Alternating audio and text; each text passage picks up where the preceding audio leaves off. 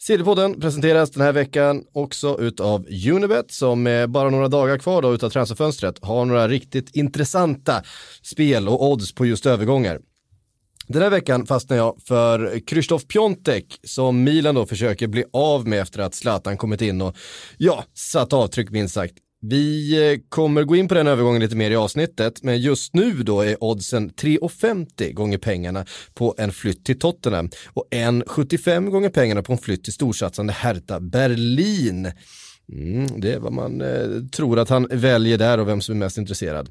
På Unibet finns såklart en massa andra spel också på transfers och en massa annat såklart. In på unibet.se och kolla. Och glöm inte att du måste vara 18 år för att spela och är det så att du spelar lite mer än du borde, surfa in på spelpaus.se och läs mer om spelberoende och hur du gör för att pausa ditt spelande. In the supermarket you have eggs class 1, class 2, class 3. And some are more expensive than others and some give you better omelets. That's the wrong information. Wrong, wrong, wrong information. I didn't say that. Information. Do you think I'm an idiot? Wrong, wrong, wrong information. Now look at me when I talk to you. Your job is to tell the truth. That's the wrong information. Wrong, wrong information. Sillypodden, hjärtligt välkomna ska ni vara. Eh, Makoto är med mig i studion idag. Det är onsdag två dagar kvar till deadline day. Makoto, hur mår du? Jag mår bra, det börjar ju närma sig. Så nej, det ska bli, det händer ju mycket, det har hänt mycket de här senaste dagarna alltså. Mycket konstiga saker också. Rikt, riktigt bra sillvecka. En riktigt bra sillvecka faktiskt. Det är ju omöjligt att börja någon annanstans än Bruno Fernandes känner jag. Det är ändå den mest intressanta. Alltså vi ska, vi ska prata lite Christian Eriksen, vi ska prata lite Cavani, vi ska prata lite Newcastle och så vidare. Men Bruno Fernandes har hållit på under hela vintern. Och Eh, den verkar ju ta slut till slut. Mm. Och det verkar väl sluta med att det blir United som får honom om man ska tro väldigt många trovärdiga Mm. källor som säger att nu är det till slut klart. Here we go, som Ja. Roman Han har ju liksom antagligen sett sig själv i den där United-tröjan redan sen, från sommaren. Han har ju suttit i den sen somras, Ja, hemma. precis. Och bytt om den till så här, när han kommer hem efter träning, byter den om till United-tröja. Ja. Nej men det, United behövde värva någonting, att de värvar nu. Det var ju intressant det här som dök upp med Barcelona samtidigt och från ingenstans i princip. Vi kommer ju till det här sen också men eh, att United ändå bestämmer sig, ja, men nu, nu okej, nu värvar vi den här spelaren, nu betalar vi det Sporting vill ha, får igenom den här övergången och får in en spelartyp som verkligen behöver det här laget. Nej, alltså det, de behöver ju en, en mittfältare som kan spela fotboll. De behöver, de, be, de behöver en mittfältare som kan göra poäng. Ehm, eftersom Paul Pogba som ska vara den mittfältaren som, eh, som gör de där grejerna inte finns tillgänglig så måste de ha någon annan som gör det. För att i den, i den uppställningen de har, har de ingen på den positionen. Eh, skulle jag vilja påstå. Det, och det är klart att det finns liksom inga garantier för succé för eh, Bruno Fernandes här. Alltså, Nej, nej, det gör det absolut helt, inte. helt annan miljö. Det är en otroligt tuff miljö att komma in i Manchester United just nu. Um, det finns jättemycket missnöje. Det är mycket som pyr. Alltså, vi hade ju den här situationen med Woodward och attacken mot hans hus. Eh, som var fruktansvärd och det är liksom, eh, men det är verkligen inte en, en eh, positiv, eh, harmonisk eh, miljö han kommer till. Han kommer med väldigt mycket ansvar på sina axlar. Han, ska, han är ju stjärnvärvningen, han kostar mycket pengar. Eh, och han ska ju rakt in och förändra och förbättra det här laget från, från första dagen. Eh, det, det är den förhoppningen som jag tror alla har på honom, men det kanske är att, att eh, ha det för mycket. Jag tror definitivt att Bruno Fernandes kommer vara en jättebra värvning framöver. Eh, inte säker på att han kommer göra så stor skillnad just den här säsongen. Nej, det är ju svårt. Och alltså man tänker också direkt på vad United har lagt pengar på tidigare. Alltså, jag har ju försvarat värvningarna man har gjort den här säsongen tidigare, men nu tänker jag ännu längre bak om man tittar på Di Maria, Alexis Sanchez, som vi ska tillbaks också för övrigt. Ja, det står ju så i kontraktet. så Ja, att det är ju... ändå, ändå en rolig grej av Solskjaer att dra upp där. Men sen, liksom så här, jag vet inte, det var, Ja, det var nästan precis. för mycket när han drog det, att han kommer tillbaka och ska prove everyone wrong. Men i alla fall, att man har bränt på så många offensiva värvningar tidigare har ju varit att det har ju varit en miljö som inte har funkat att utvecklas i, en miljö som inte har gått att leverera i. Vi ska ju se om Bruno Fernandes då kan sticka ut från alla de här andra duktiga fotbollsspelarna som har kommit dit och stagnerat. Eller om han blir liksom bara en i mängden. Eh, Bruno Fernandes har ju till skillnad från de andra kanske inte visat det på den absolut högsta nivån, man tänker rent liksom klubbmässigt tidigare.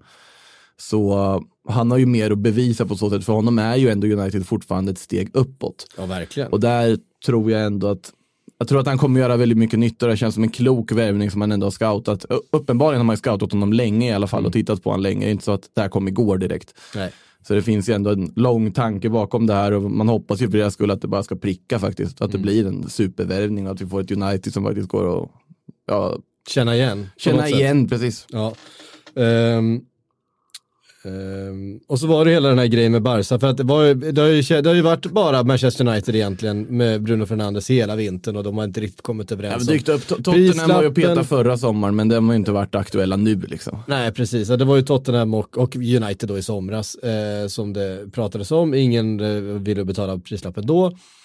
United har väl kanske inte varit, eh, det är inte så att de har bara kastat en tom check på bordet, eh, utan de har ändå förhandlat länge då med Sporting om den här eh, spelaren och från vänster då kliver Barcelona in. Fick ju budet accepterat, de betalade ju faktiskt, eller sa, sa sig vara beredda att betala vad Sporting ville ha. Eh, för att låna ut honom till Valencia, för att i sin tur kunna låna in Rodrigo som då ska komma in och ersätta en skadad Suarez. Alltså det, det är så, jag först, vad gör de? Alltså allvarligt talat, vad gör de just nu? Alltså, Setien sa väl tidigare att men det är inte så superviktigt att vi värvar någon. Sättet de gör på, ja vi kanske behöver en nia, i och för sig också varit så liksom att ja, om det värvas något så kanske det kommer in en nia. Till att börja med, Rodrigo är ännu en så här vänsterfotad, offensiv, snabb spelare som egentligen kan lika gärna funka bra på en kant. Det är inte den nummer nio typen de söker, de köper en till Griezmann fast en sämre variant av honom.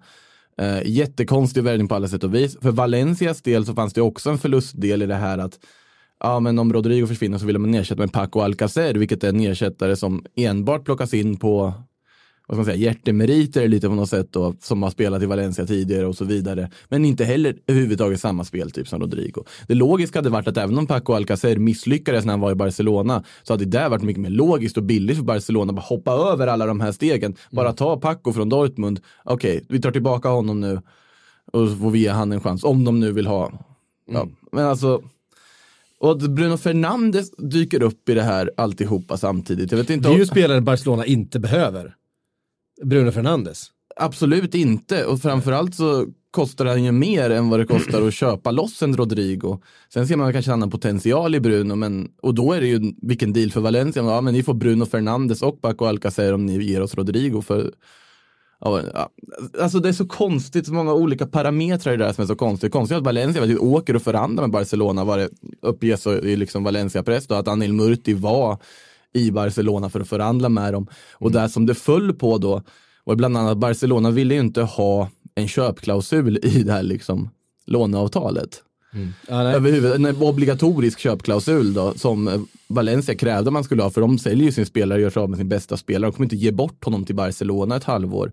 Och sen där, dessutom, att när, om det skulle vara en klausul så var det då att Valencia ville ha den var det 31 juni, medan Barcelona kunde inte betala för den 1 juli i och med att man har värvat Griezmann tidigare och ligga under Financial Fair Play-året på ett bra sätt. För det fanns ju en sån aspekt där det också kraschade. Men där man undrar är ju hur Barcelona tänker när man åker då. Ja, men kan vi få låna in er bästa spelare i ett halvår bara för att täcka upp en skada vi har?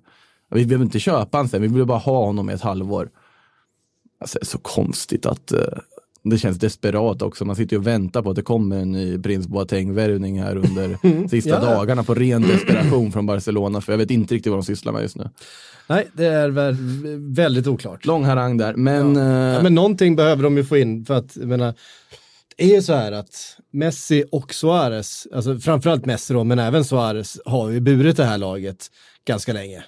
Eh, Ja. och, och nu har Messi, eller Suarez försvunnit och nu ska Messi igen då bära hela laget själv. Att Messi har ju i princip burit hela laget själv, även när Suarez har varit med och Suarez gjort vissa av målen, så är det ju Messi som gör det mesta.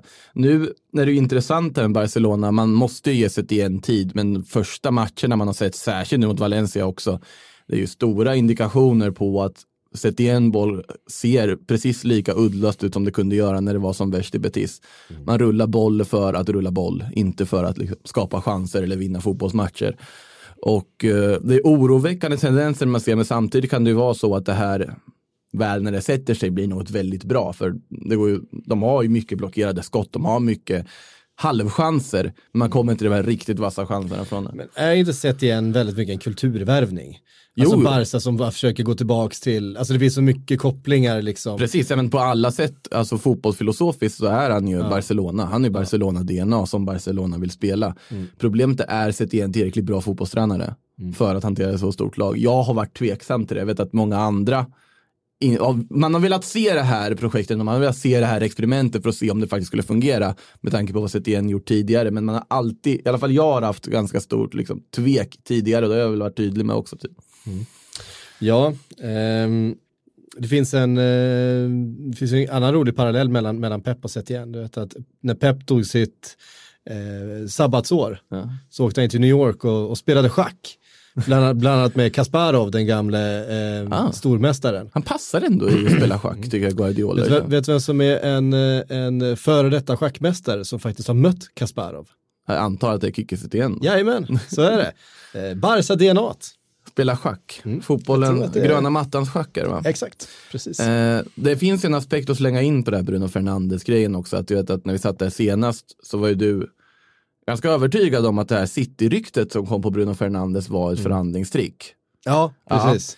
Det känns ju som att här har vi en Jorge Mendes som styr väldigt mycket i Valencia. Vi har en Jorge Mendes som har Bruno Fernandes. Lägg in ett sånt rykte om att Barcelona vill liksom plocka honom rakt av.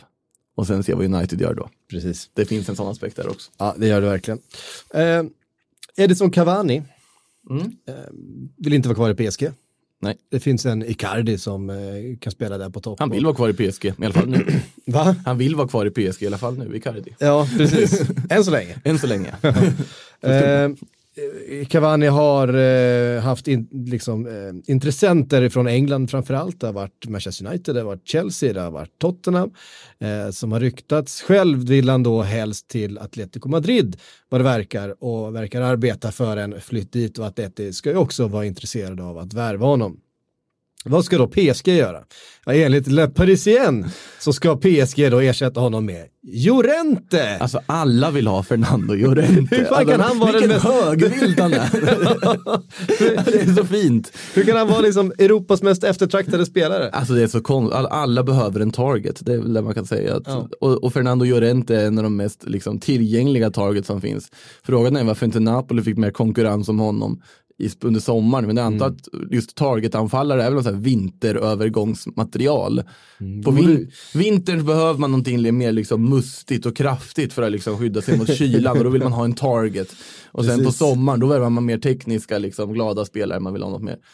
Ja, det här är ändå Le Parisien som, som, som, har, som har den här, eh, det här ryktet, så att då ligger det säkert någonting i det. De brukar ha på fötterna när det gäller PSG.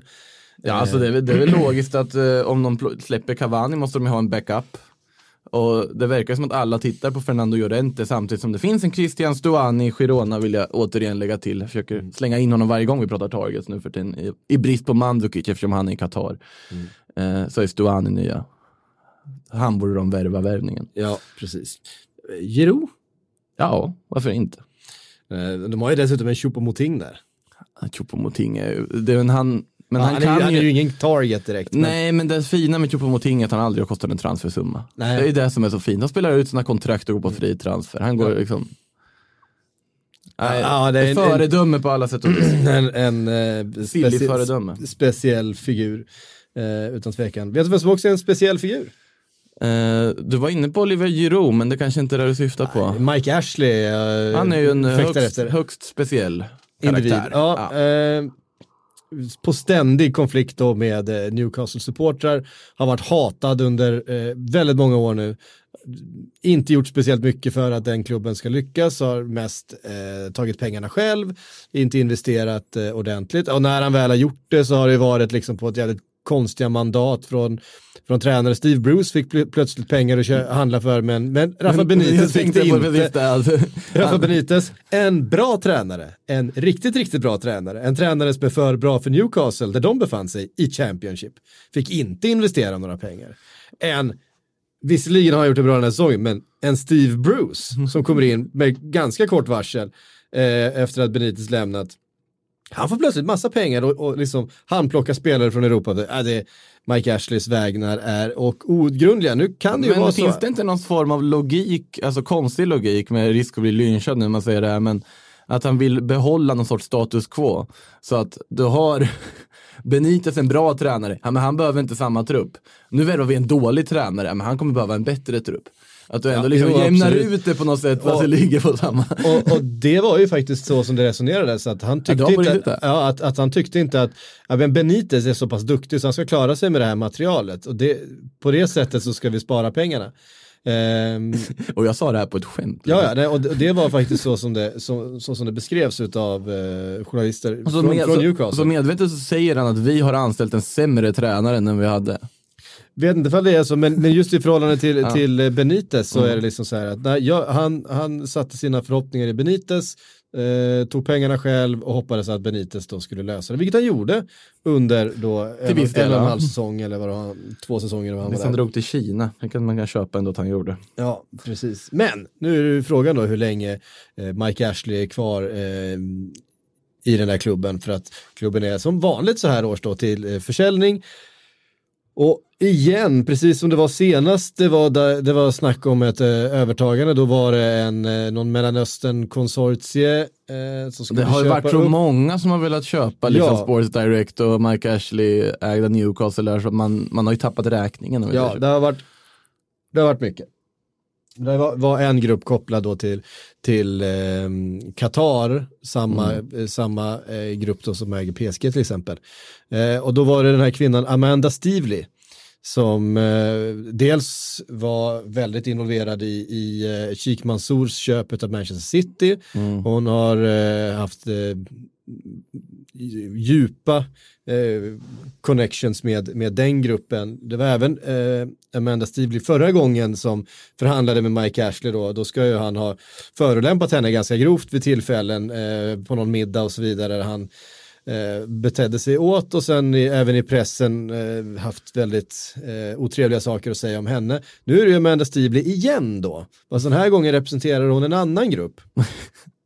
Eh, hon är en eh, hård kvinna, eh, minst sagt. En, eh, hon representerar en grupp av investerare som då leder hela den här förhandlingen.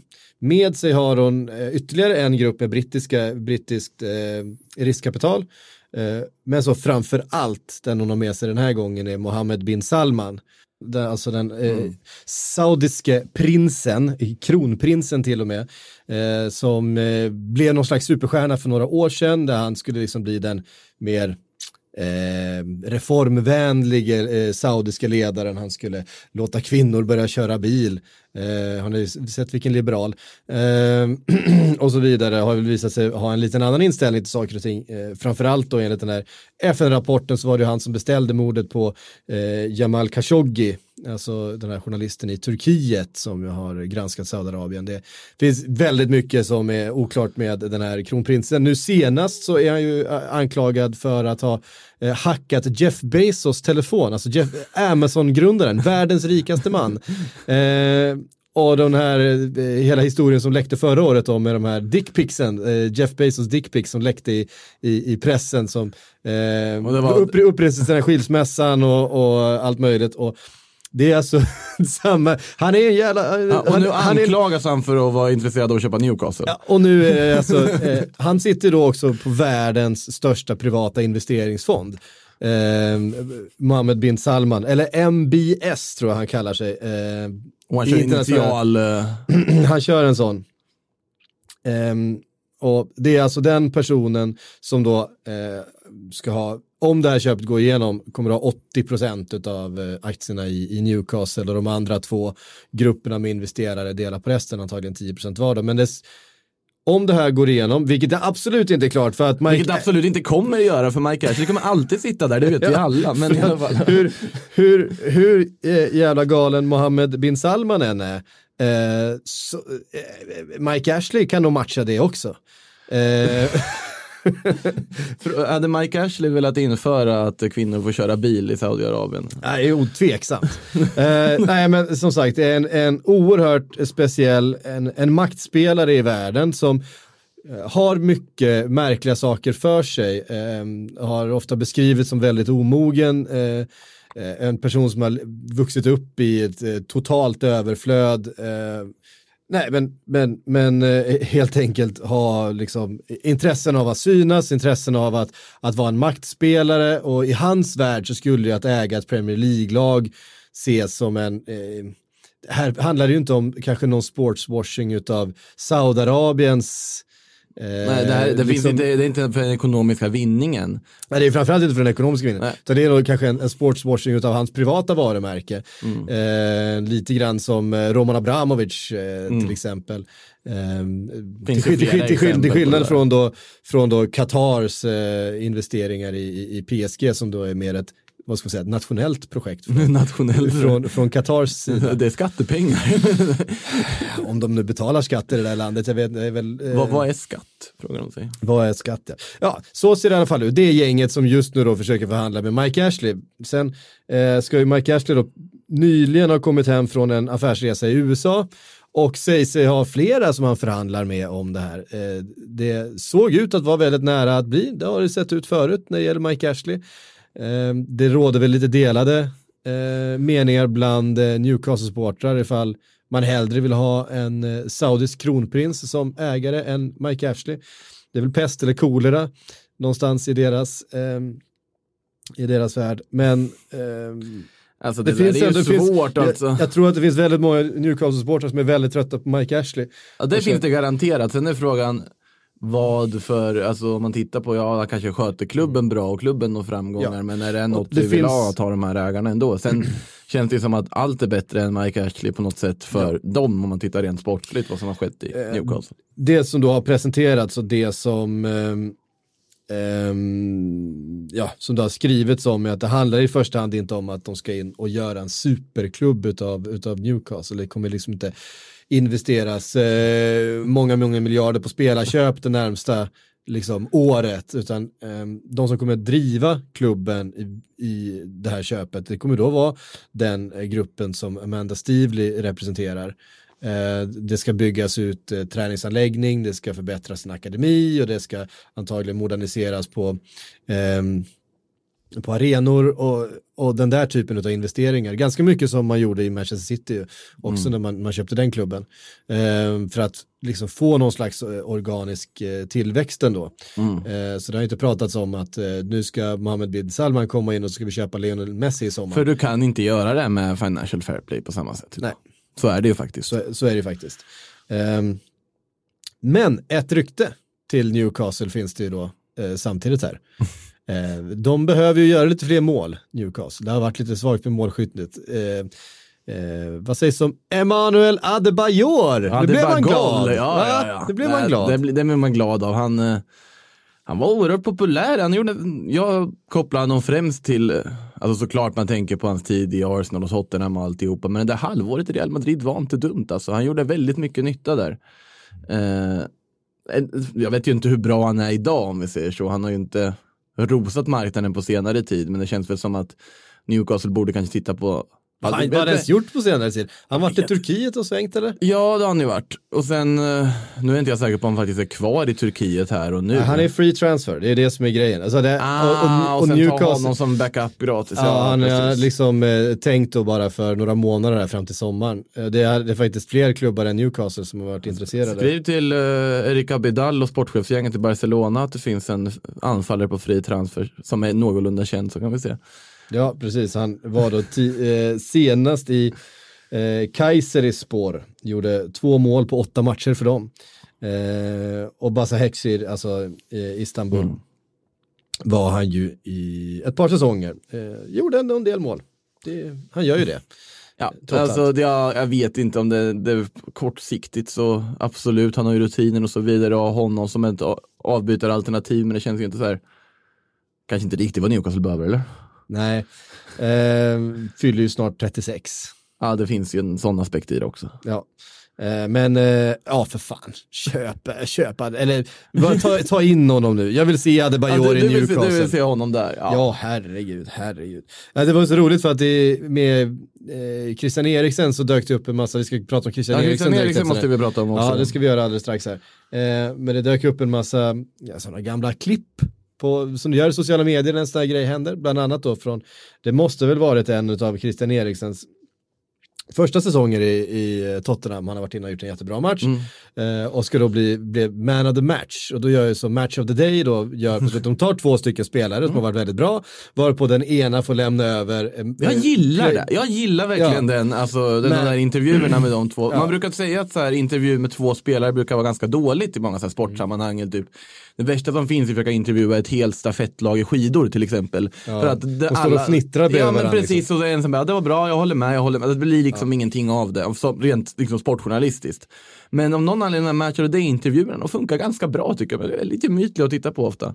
Kan ju vara för att det är alltid vinnande laget också som står där. Till, Ja, Och precis. Men då, då eh, har då Christian Eriksen eh, utsetts till man of the match och eh, ja, reporten ber helt enkelt Adebayor eh, Klassiker.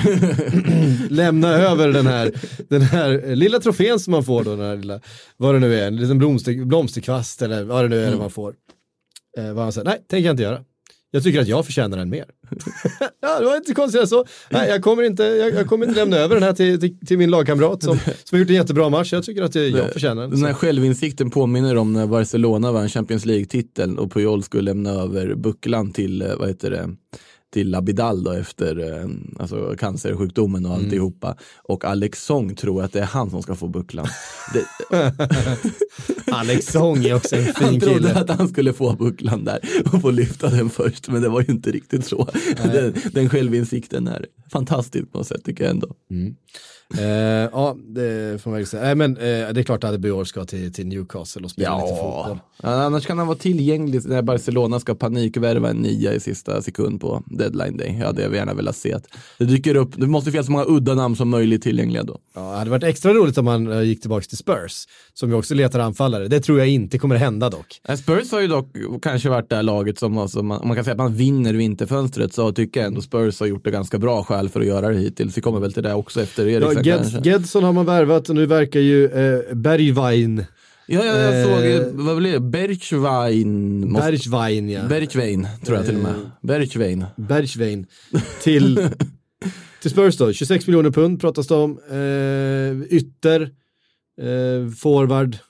Eh, Ja, men alltså, s- kvick ytter, gjort det bra i PSV. Det här finns också en annan aspekt, att hur Tottenham har agerat i det här har vi fått ganska mycket frågetecken kring. Alltså, PSV Eindhoven är inte nöjda med över hur den här övergången har gått till.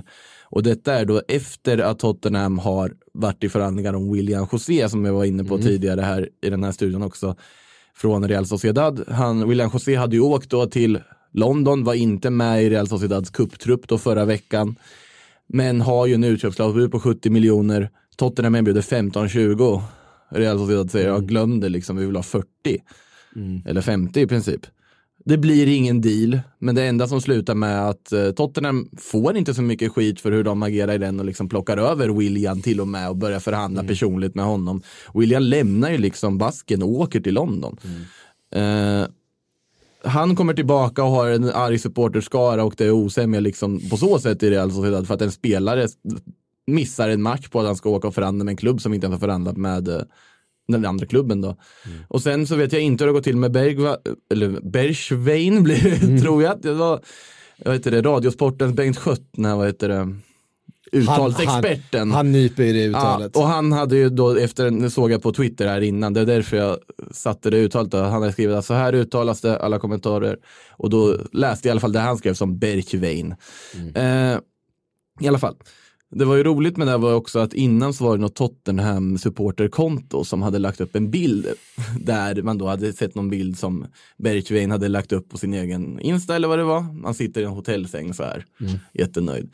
Och då hade ju några väldigt pigga, alltså eller supportrar då, börjat leta på de här, här sängramen och hittat att exakt den typen av sängram med den liksom formen och den färgen med den väggen fanns på det här hotellet i London. Och då var han, han kom till Tottenham och det här var för några dagar sedan. Var väldigt fint detektivarbete. Ja, eh, det kan man nästan vara säker på. Det går inte att luras längre. Det, går inte, det går inte att flyga under Men radarn. eh, oavsett hur Tottenham har agerat, oavsett om eh, Real Sociedad och eh, PSV Eindhoven är lite förbannade på dem så är det ju en väldigt bra värvning att göra. Det är en alltså, intressant spelare som gjort det bra under hösten i PSV, som jag har förstått det, ska väl ärligt talat säga, att man inte sett mycket PSV. Men eh, vad man har hört så ska det vara, vara riktigt bra. Har ju åldern inne också. Ja, precis. Eh, dålig stämning. Eh, det har ju varit lite grann den här podden. En shout-out till er som har hört av sig och tycker att eh, jag har fått mycket skit den här, eh, den här vintern. Eh, jag tackar för ert stöd. Eh, Har du fått en sån shoutout alltså? Tack Pernilla Hedlund i Eskilstuna till exempel som jag vet har min rygg. Eh, Oj, oj, oj. Ja, det är mycket bra. Vidare till ehm, från Bergvagns verkar klar. Eh, Han är ju helt officiell. han, han Han blev redan? officiell nu under eh, förmiddagen innan vi klev in Jaha, här. det- var jag käka lunch. Eh, lite skit ska jag ha. Eh, Piontek, Ja, ska väl, och- ja, istället för William José då verkar det precis. som. Att man förhandlar med. Eh, Harry Kane kommer vara borta eh, i stort sett eh, resten av den här säsongen. Eh, Någon, fortfarande De måste ju ha in in en- en nia. de Det- måste ju ha in en nia. Eh, och det finns ju inte så många, eh, det har pratats lite grann om Cavani, han verkar ju inte speciellt sugen på London. Ehm, Cavani ska till Atletico, det är bara en tidsfråga när Ja, bekräftas. precis. Skulle jag säga. Eh, Piontek, ja alltså kan han göra en sån start som han gjorde för Milan så vore ju det eh, precis vad Tottenham eh, skulle behöva. Gör han en, fortsätter han dock på formen han haft det senaste halvåret så, Så kanske inte vad Tottenham behöver. Nej. Så kan vi säga. Det har väl pratats lite, eller kom väl uppgifter på att Tottenham ändå förfrågade sig om en viss Olivier Giroud i det här läget också. Eh, Chelsea ska ju dock ha sagt rånej till att ge bort Giroud till en rival direkt då. Eh, men någon nya ska ju in där förr eller senare och det kommer ju komma någon frågan är vem och Piontek Ja, det är ju förhandlingarna där. Det blir ju säkert någon form av lån, köpoption, eh, historia där igen. Samtidigt så har ju Tottenham ändå spenderat pengar nu. Nu har man ju köpt loss Giovanni Lo Celso också. Direkt efter att Eriksen blev klar så vart det ju i princip minuten efter kom man med presentation. Ja, ah, nu har vi köpt loss Lo Celso från Betis efter det där lånet. Eh, nu har vi ersatt den klar. Jag tycker de har skött alltså, fönstret väldigt bra. Nu är det bara att se vilken nia de kommer plocka in här. Ja. Och om de just prickar den rätt så har de gjort ett, alltså ett av de bästa fönstren av alla skulle jag säga. ja, det håller jag verkligen med om. Eh, tyckte de gjorde ett ganska bra fönster i Så det somras gjorde de också. utan tvekan också. Så att, eh, Eh, Och ändå har det gått så- Lo Celso har ju börjat leverera nu. och ändå sitter de här med José Mourinho långt ifrån Europaplats. Vi, Ja, eh, det är ju, nu har de blivit av med, med Christian Eriksen som har känts som har som har känts som den där våta filten som har hängt över hela det här laget. Sen att, att det finns andra problem och de har en, en stomme som har börjat bli liksom till åren, alltså framförallt i backlinjen då. ehm, och att det saknas lite kvalitet där nu, eh, spelare som inte helt enkelt är lika bra längre som de var för några säsonger sedan. Um, Fertongen till exempel. ja, det är ju, nu, har det, nu är det ju två av de här tre som hade kontrakt som gått ut. Alderweireld förlängde, då har en Eriksen som har lämnat och nu har den Fertongen situation att hantera. Men han kanske förlänger förr eller senare. Om han inte redan Kanske. gjort det och jag har missat det men jag har varit ledig. Men det, jag, jag tror faktiskt att Spurs tittar på andra eh, alternativ, eh, om jag ska vara riktigt ärlig. Vet du vilka som, har, som eh, har köpt en, eh, eller har lånat in en i alla fall, en mittback? Det sägs väl att Arsenal ska ha gjort Ja, det. precis. Värsta konkurrenten har då eh, löst Pablo Mari eh, från eh, Flamengo.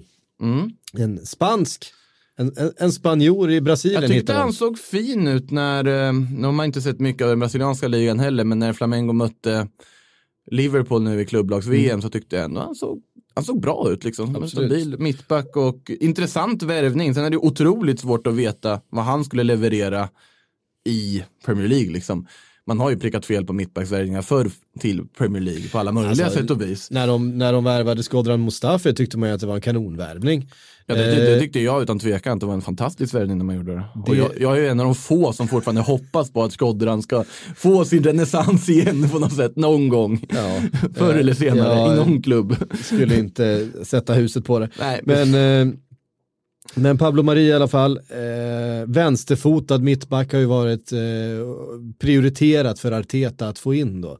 Att han eh, tycker att det är, det är helt nödvändigt att ha en vänsterfotad mittback i det systemet han vill spela. Mm. Han har inte funnits någon eh, och då har man helt enkelt löst eh, den här Har spelaren. en bra längd på honom också, en 91 är han här när jag Mm. googlade fram lite snabbt eh, längd och sådana där Mm. typer av saker. Precis. Eh, Alltså han, han har ju spelat, eller tillhört City ganska länge under sina yngre dagar. Mm. Men eh, har ju harvat runt lite. Deppor spelade han i förra säsongen då på ett lån från City, men sen hamnade han i Flamengo. Vilket var i sig liksom ganska överraskande att han gick till Brasilien. Det är inte ofta spanjorer går till Brasilien. Nej, jag tror till och med han var en av de första spanjorerna som som spelar i brasilianska ligan. Alltså det är ju Ja. inte så mycket, så mycket europeer överhuvudtaget i, i brasilianska ligan. Nej, precis. Så att det, det var ju ganska ny, ny grej, alltså vågad flytt, en intressant flytt och där har han ju faktiskt gjort det väldigt bra för det här Flamengo-laget. Ska tilläggas att de faktiskt också har köpt loss Gabigol nu. Där kommer jag också direkt efter att eh, Eriksen blev klar för Inter så såldes då Gabigol till Flamengo för Ja. liknande summor också. Så den, han är out för även för de europeiska klubbarna som jagar anfallare och de får vara kvar i Flamengo och de är nog väldigt glada för det. Ja, han känns som att han nästan behöver vara i den miljön för att eh, Han var ju fungera. fruktansvärt bra där också. Så att, eh, Men man hade ändå velat se honom testa Europa en gång till. Det kommer nog. Han är väl rätt ung fortfarande, han är bara 22-23 han är, år gammal. Han är inte där. gammal. Men han gör det ju inte Inter, det är ju det. Han är ju, han är ju körd där liksom. Ja, nej, det är ju. Eh, på tal om Inter och på tal om Eriksen då, vi har varit inne på det vid flera tillfällen här, vi får väl också göra någon slags eh, analys av den här värvningen blir klar. Jag tror att det är en dundervärvning av Inter. Eh, Ja, som, men såklart det är det. Alltså på något sätt. Alltså Eriksen ville ju ha en Någonting ny annat. utmaning. Ja. Och det, och det var ju lite därför jag sa det, att det kan bli Inter en gång i tiden. Det, Mm. det, plötsligt även en blind skytt kan pricka rätt. Ja, och jag menar, tempo har han ju aldrig haft och tempo behöver han kanske ha lite mindre av i, i eh, Serie A kontra Mm. Det. Premier League. Ehm, så ja, nej, jag tror att han kommer gå rakt in där, jag tror att han kommer börja göra poäng ganska omgående. Jag tror, alltså, om jag tror att Bruno Fernandes kommer behöva en, en startsträcka i Manchester United och jag tror att eh, man den här säsongen inte kan hänga upp allt för stor del av liksom, Mm. resultaten framöver på hans eh, prestationer. Man bara hoppas att han kommer få spela direkt och vara ordinarie. Att de inte tänker att vi roterar in honom med Lingard. Ja, nej, nej, det är klart han måste spela. Ehm, Ja.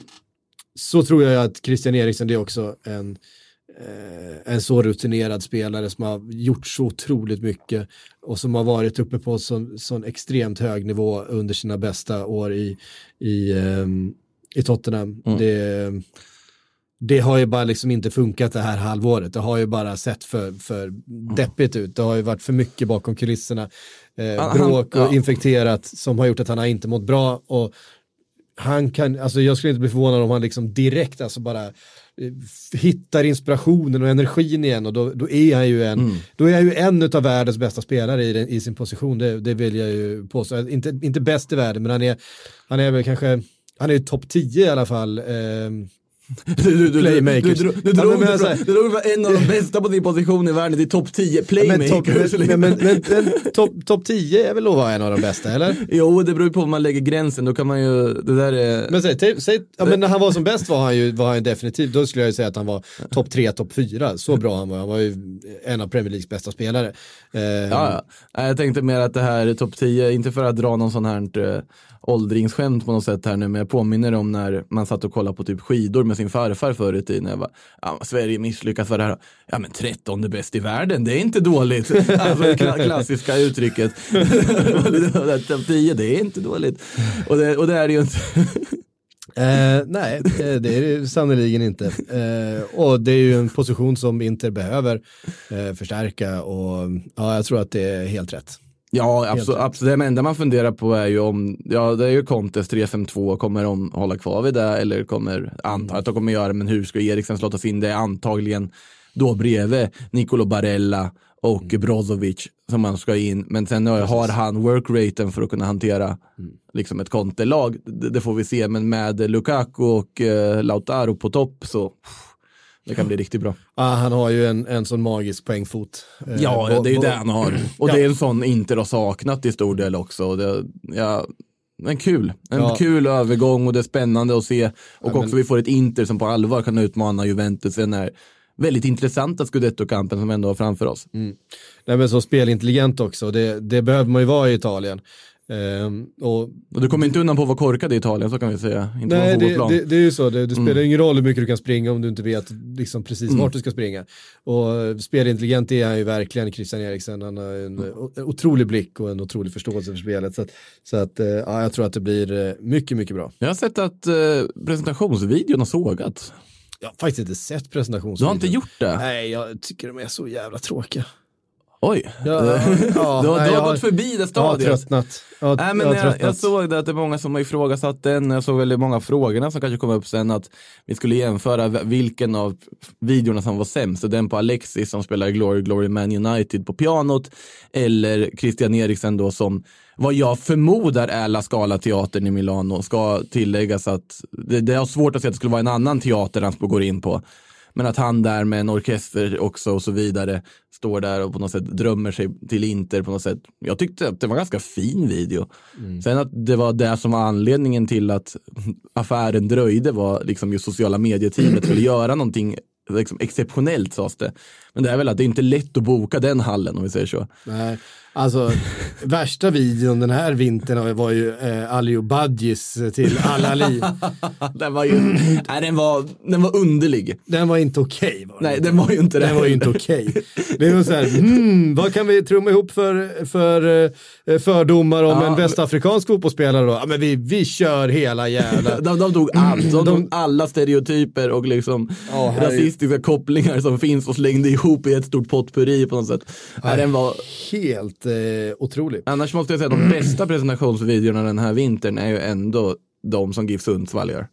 Alltså Ja, de Urban de är, de är så fina tycker jag. Att, eh, att de ändå går in och Ja, med, det- med Urban som inte är helt bekväm med den här liksom, skådespelarrollen men ändå han brinner för det, de gör liksom roliga saker. Ja, verkligen. Nej, men det, det håller jag med om. De, vi har varit lite inblandade. De gillar att tagga in oss. Eh, Ja, jag har i- sett i- det i de också med den här blåljusgrejen. Ja, precis. Jag Nu tycker det de ska ha en shoutout att det, det, sånt Ja. här är roligt, att man jobbar utifrån sin budget och resurser. Men sånt här är roligt och uppskattat, tycker jag i alla fall.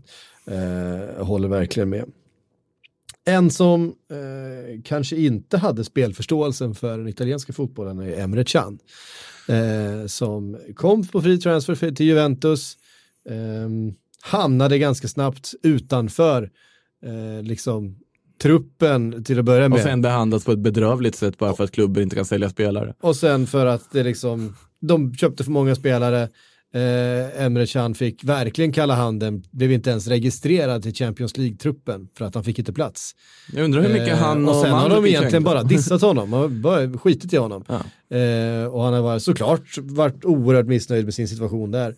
Ehm, ska nu eventuellt då ha en lösning klar. Dortmund. nämligen Dortmund, ja. Eh, där är oklart tycker jag om han faktiskt eh, tar plats. Han ska väl in på typ Axel Witzels position, något sånt. Ja, eller spela bredvid Witzel. Nu ska jag väl Spela- ärligt talat inte säga att jag inte har full koll på skadeläget där.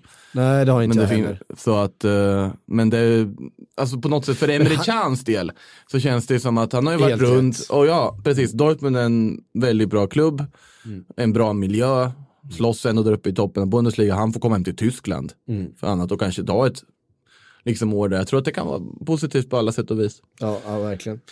Pratades om Barcelona lite kort där innan också. Ja, ju alltså. Vitswap-dealen med Rakitic och allt. Alltså jättekonstiga saker som sker i alla fall. Ja, det är mycket märkliga saker som sker så fort Barcelona är inblandade just nu känns det som. Ja, de? Eh, Ja. Men ja, det, det, känns, eh, det känns ju eh, rimligt. Han är ju också en, rimligt. en utility player på det sättet. Han kan ju spela på flera olika positioner. Han kan ju, kan ju trycka ner honom i backlinjen också om, de, om du skulle, Ja, ja det, skulle det är en behöva. mångsidig, nyttig spelare så på alla sätt och vis. Så att det är väl en jättebra värvning för alla klubbar skulle jag egentligen säga. Att få in en Emre Can som är så pass mångsidig och gör jobbet. Och, Och gör ju, han gör ju poäng också. Han, gör, också. han gör ju alltid poäng i, i eh, när han spelar i landslaget Mm. så gör han poäng, när han spelar, alltså i Liverpool gjorde han poäng, även i Bayer Leverkusen före det så gjorde han ju alltid poäng. Mm. Han har ju ett, liksom både ett mål och assistsinne som, som är ett speciellt, ofta ganska snygga mål också. ja, det är lite som Casemiro. Man tänker ju inte på honom som en offensiv Nej. spelare men han eh, jag har tänkt på det på senare tid också, att han har verkligen lagt till det på sin lyra på samma sätt som Emre Can är bra på att Mm. göra poäng så Casemiro är nästan bästa målskytt i laget under liksom januari, eller på att säga. Det är han som gör mål hela tiden. Och, nej, det, det, man gillar defensiva mittfältare som sitter i ett defensivt mittfältsblock, eller i den kategorin och i den lådan, men ändå faktiskt gör väldigt mycket poäng. Så. Ja, han är ju, han är ju mer, mer tvåvägen. eh, Han är mer än- tvåväg än enväg, ja, precis. Så det är de mittfältarna man uppskattar. Eh, ja, hoppas att det löser sig för Emre Can, att han får spela lite fotboll igen och att han får komma bort från situationen i Juventus framförallt, för den Ja. har ju inte varit bra. Eh, Jean-Kevin Augustin eh, var en spelare Alltså det som, kan ju inte stämma de uppgifterna, eller? klar för Leeds, Ja, ja de, de uppgifterna stämmer Ja, men jag menar, Ska- jag ska ska alltså ha fått ett erbjudande från Manchester United strax före han skrev på för Leeds, men ska ha tackat nej. Eh, alltså val, han valde bort Manchester United för eh, Och- det, och det ska sägas att han, han eh, har verkligen velat spela för Bielsa. Han ska vara väldigt imponerad av Bielsa och eh, mycket talar ju för att Leeds kommer spela Premier League nästa säsong. Eh, och, Alltså man, man vågar inte tro det än fortfarande. Man vågar Nej. inte slå fast det. Mycket talar för det, ja, men man Alltså- vågar verkligen inte. de spelar ju match varje igår, igår kväll va? De spelar väl hela Eh, tiden i Championship. Ja, precis. Det var så otroligt mycket matcher. De spelar säkert nu någon Ja, match. men de vän- vände ju, vilka var det de mötte? Nu minns jag fan inte vilka var de mötte, men de låg under med 2-0 och jag kommer ihåg att jag tittade bara ner i resultatappen och sa, fan nu ligger de under med 2-0, nu är det Leeds igen liksom, förbannelsen. men jävlar, de vände ju till 3-2 och där de kände, jag kände att när de lyckades vända det i underläget, efter de har haft lite svaga Ja. liksom, resultat senaste tiden, Patrick Bamford gjorde två mål då igår. Eh, det här var ju precis vad de behövde i det här skedet på säsongen, om man sa att de de fick ihop det, de kunde vända ett 2-0 underläge till seger 3-2. Men det här har de gjort förr. Alltså Leeds, Leeds kommer lyckas. Fall. Alltså det, man känner det, man vågar inte tro det förrän det står Leeds har liksom helt matematiskt klart för Premier League på alla sätt och vis. Så Nej, vågar man inte precis. tro på att Leeds ska komma tillbaka. Man vill att de ska komma tillbaka, men man vågar inte tro det förrän dess. Nej. Sen så för uh, Sean Kevin här så, Mm. Det är ju inte dålig PR att komma till en ny klubb, till just Leeds och säga ja, jag tackar nej till United för att komma hit till Championship och spela för er. Det, det, det väger nog ganska positivt. Det kan ju också bara varit så att en agent har hört av sig så här, hej hur är läget egentligen och sen så, eh, alltså, Alltså, vi vet ju inte vad som har hänt. Är det okej att vi planterar ett rykte om att United vill ha det i sista sekund för att ge dig goodwill hos Leeds-fansen det första du gör när du kommer in? Att du har tackat nej till klubbens absolut största rival liksom genom tiderna. Ja, du såg också, på tal om goodwill, vem som tog emot honom, hans eh, bästa kompis där, Benjamin Mendy. nej, på riktigt. Eh, Ja. Eh, Borde inte han fokusera på att spela fotboll i City istället för att ta emot Leeds värvningar? Eh, ja, då hade ju Augustin själv lagt, själv lagt upp den så här, ja, nu är snart Mendy klar för Leeds. Eh, ag, a, agent, eh, agent Augustin eller vad han skrev som Det hashtag. det är kul i och för sig. Ja, ja men de är kompisar och, och mm, sådär. Så att eh, de har samma, samma agent också. Det brukar hjälpa i de här PR-sammanhangen. Eh, vi kommer ju alla ihåg eh, sommarbilderna, semesterbilderna på Lukaku och Pogba. När Lukaku skulle till Manchester United och de hade så jävla trevligt ihop. Mycket har hänt sedan dess. Ja. Ehm, Suso har inte haft sin bästa säsong i Milan. Nej, han, eller alltså har han haft någon bra säsong? i Mi- Jo, han har haft vissa, vissa glimtar har han väl kunnat skina, men han, det är ju inte en spelare som är tillräckligt bra för vart Milan vill vara åtminstone. Nej, precis. Men det är en, en sån spelare som är tillräckligt bra för Sevilla. Alltså, här är det ju Monchi som är igång igen. Ja. Och här är, är det ju Monchi som ser, Han är på plats i Sevilla just nu Ja. då. Så, så. Suso har ju sett till vad han har levererat i Milan, alltså stagnerat i värde naturligtvis. Monchi ser ju, utan att jag har läst på så mycket på den här värvningen nu och ger mig ut på, jag kan ju, men jag gissar på vad Monchi tänker här. Att jag, han kommer att få sitt spel, han är med i Spanien skulle han kanske kunna funka bättre än vad han har gjort i det här Milan som då inte har fungerat särskilt väl fram tills nu Zlatan har kommit in ändå. Det finns lite, alltså, det vädrar lite morgonluften då. Eh, men i Soso så, ja, du plockar in honom, du kan få honom för en ganska billig penning för att Milan vill bli av med honom. Och sen så kanske du kan, om man gör en bra halvårsradio förädla som de kan sälja honom dyrare. Och det finns ju alltid någon klubb som kommer vara dum nog att nappa. Förr ja, eller jo. senare. Så att eh, Monchi ser väl någonting här, men samtidigt så, Monchi prickar ju också fel på väldigt mycket eftersom att han värvar så fruktansvärt mycket också. Mm. Titta på till exempel eh, Luke de Jong som han plockar in som anfallare, han har inte direkt gjort någon glad under hösten Nej. i Sevilla. Men, och samtidigt som han plockar in, han har ju misslyckats med precis väldigt mycket av sina värvningar sen han kom tillbaka skulle jag snarare säga. Samtidigt som han lyckats med vissa, vilket då ger honom den credden som den sportchefen är. Men han, han skjuter ju mycket om vi säger så. Och så prickar han ibland. Ja. Lite så. Ja, För han är ju duktig, han är duktig på det han gör, det är inte det jag säger. Men, det, är, det är svårt att värva spelare och han är väldigt duktig på det. Ja men så är det precis. Han, är- han är ju duktig på att värva men han kan också pricka fel och så, så får vi väl se om det är en Monchi-genidrag eller om det är en vad gör du Monchi-värvning. Yes, vi eh, ska svara på lite frågor eh, innan vi stänger butiken. Jesper Haglöf undrar, finns det några rykten om Niklas, e Niklas Eliasson? Eh, flest Samba assist i Nicke. champion, eh, Championship nu. Tror ni vi kan se honom i Premier League i framtiden? Eh, han får svar här utav eh, Huldin77. Oj. Eh, han heter då Peking 1897, så det är väl en, en Norrköpings eh, eh, landsman till dig då. Landsman. Eh, svarar då att det pratas om klubbar eh, som Burnley, West Ham, Lazio, Villarreal och Celtic. Eh, han är ju Bristol nu då, Niklas Eliasson. Eh, Det- det senaste, senaste var väl Lazio-ryktet. Men det är klart att gör man det väldigt bra i Championship, alltså gör man väldigt mycket poäng i Championship, då kommer man ju ha till exempel alltså, de lagen som avancerar. Om Bristol själva inte går upp i Premier League så kommer ju, säga att, ja, men säg att West Brom eh, Går går, upp, upp, ja. går upp nu då. Nu säger du inte Leeds ändå. Nej, men eh, jag tror i och för sig att Leeds har, eh, Ja, de har. Nu, eh, spe, spelare på den positionen. Men det, det, är, det är möjligt att West Brom också har full koll på West Broms eh, trupp just nu. Men, men bara som ett exempel. Ja. Då är det ju en klassiker att man värvar då eh, spelare som, från... precis. Ja. Nu är ju problemet att även Championship-spelare blivit dyra. ja. Alltså jag tänkte på det, det var ju ett otroligt udda rykte som kom för någon vecka sedan. När Milan då ville ha Matty Cash från Nottingham. Att Milan då var intresserade. Ja, Vad, sen när har Milan skickat en scout till Championship till att börja med? Att nu verkar ju det också på något sätt ha blivit en marknad, men det känns som en otroligt korkad marknad att ge sig in på för alltså icke-engelska klubbar i och med att spelarna är ju fruktansvärt mycket dyrare och har fruktansvärt mycket högre löner än vad de kanske egentligen presterar i den ligan. Det är ju så här grundregel när man spelar FM, värva inte från Championship för då betalar du väldigt mycket mer pengar och höga löner för spelare som inte är så pass bra. Nej, precis. Och åk till Argentina och skicka dina scouter istället. Men ja, Eliasson, ja, såklart, det är mer jag funderar över är varför inte han pratas mer om till landslaget. Varför det inte är mer snack om det. Det är snarare det jag kan sitta och fundera över för att han har ju levererat och han hade en tung start i Bristol. Han fick inte jättemycket speltid och så vidare. Och ändå roterat väldigt sakta in i det här laget men bara att han leder assistligan i en sån liga som Championship ändå är idag är ett Det är styrkebesked. en jävligt tuff liga alltså. Mm. Det, den är, alltså. Dels så är den ju faktiskt eh, ganska bra i, i, för att vara en andra liga eh, Championship. Du har ju väldigt Ja, mycket det är, pengar. pengarna finns ju där, det är det. Ja, precis. Men den är ju också lång och den är eh, väldigt speciell i det att du har så otroligt Mm. mycket okej klubbar stenhårt jobbande.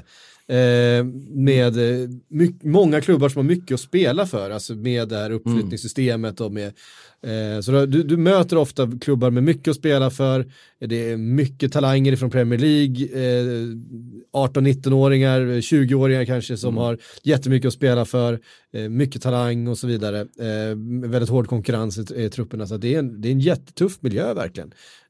Alltså jag skulle säga att det är typ Sen är det ju som maratonsträcka också. Mm. Alltså det är så fruktansvärt mycket matcher och de har ju dessutom ligacup och FA-cup och allt vad det är också. Mm. På så sätt kan jag ändå känna att varför klagar eh, klubbarna uppe i Premier League på att spelschemat är för tufft. Jag har åkt till Championship och testat att spela de där matcherna. Det är en cold night in Stoke varje dag istället. Precis. Eh, nej, men det skulle bli intressant att se vad, vad som händer med Eliasson. Jag, tycker, jag tror inte alls att det är omöjligt att han får chansen i Premier League. Eh, Jag hoppas han får eller någon annan eh, liga. Jag tror inte att eh, om Bristol är kvar i Championship nästa säsong och han fortsätter så här, då tror jag inte han är kvar i Bristol. Nej, jag, jag hopp, man hoppas också, en supertrevlig kille minns jag från tiden i Norrköping också. Alltid lätt att ha att göra med på alla sätt och vis. Man önskar, och, och fruktansvärt duktig fotbollsspelare också. Man önskar verkligen honom allt gott och hoppas han får chansen på högsta nivå. Det är ju rätt ålder på honom just nu. Han håller också. precis på att kliva in i sina bästa, alltså i sin peak här nu. Så att jag tror just så här 24 år, det brukar vara det bästa, alltså det mest lukrativa ehm, tiden för spelare att skriva de här kontrakten. Ett av Jens Gustafssons finaste sportchefer i ögonblick i Norrköping ändå. Att se den potentialen från AIK, plocka honom och sen så blommar han ju. Eh, Jakob Ingesson undrar, eh, Bruno verkar vara färdig för United, eh, det har vi också eh, noterat. Hade dock gärna sett en striker eller, eller winger med. Är lite förvånad över att Bale till United-ryktena inte börjat cirkulera igen. Tankar Ja, kring det? Anledningen är ju, att Bale kan man ju också ifrågasätta det som kom förra veckan. Nu ska faktiskt eh, till försvar eller på att säga, säga jag har varit ledig några dagar och jag är ganska bra på att stänga av för det kan ha kommit något annat medan man har varit ledig här.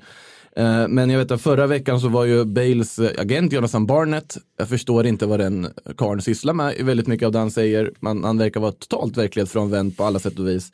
Men då sa han ju att eh, en av världens bästa spelare går inte på lån sa Nej, precis. Punkt. Bale stannar här och ska vinna fler titlar med Real Madrid. Mm. Eh, men att nej, det finns inte på tapeten. En av världens bästa spelare går på lån. Alltså det är ju löjligt, typ så. Mm. Har du sett hur liksom, transferfönster nu för tiden Det är ju fungerar? bara lån. Alltså- Allt är ju lån. det är ju, januari är ju bara Ja, lån men. Bale, alltså allt mer, återigen talar för att Bale kommer nog sitta kvar. Det anledningen att det inte kommer några rykten är för att han faktiskt kommer sitta kvar och att de är in, alltså inställda på det.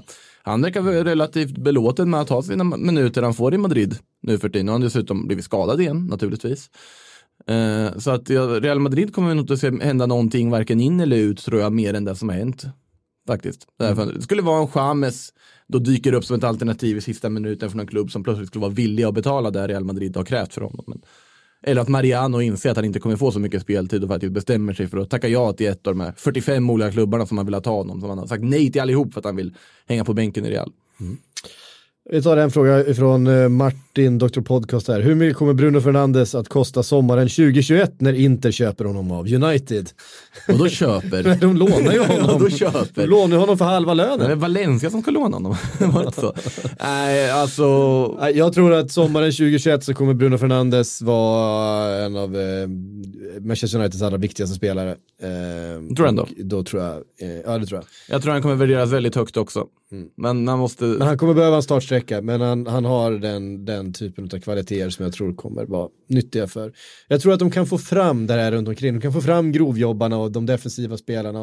Eh, det som behövs runt omkring. Och Bruno Fernandes har liksom spetsen som kan vara svår för ett lag som United om de hamnar utanför Champions League. Eh, vilket ju är en, en eh, ganska sannol stor sannolikhet att de gör. Eh, de ska kunna värva en riktig spets, alltså en så bra poängspelare. Ehm, det ska de vara eh, glada med att de har fått in i, i Bruno Fernandes. Jag tror att han kanske behöver en viss startsträcka, men nästa säsong kommer han vara jätteviktig eh, i leveransen. Det känns som en spelare som vi kommer kunna få se i typ framtida Team of the Tournament i Europa League. ja, varför inte? Det, det, det är tvetydigt här om det var positivt eller inte. Ja, det förutsätter ju att United spelar i Europa League då, inte Champions League. Ja, alltså som sagt, eh, ja, nu i och för sig inför den här säsongen tippade jag faktiskt att United skulle ta den fjärde CL-platsen, men det har man ju fått äta upp ganska hårt. det gjorde jag också tror jag. Eh, Jag, jag trodde i och för sig Tottenham skulle sluta det också, har jag för mig. Ja. Och det är man ganska långt ifrån. Vi har, väl, vi har Liverpool City, Tottenham och United. Eh, eller om, om de här sist, sena vär- värvningarna från Arsenal petar upp dem. Jag minns inte riktigt vad jag tippar.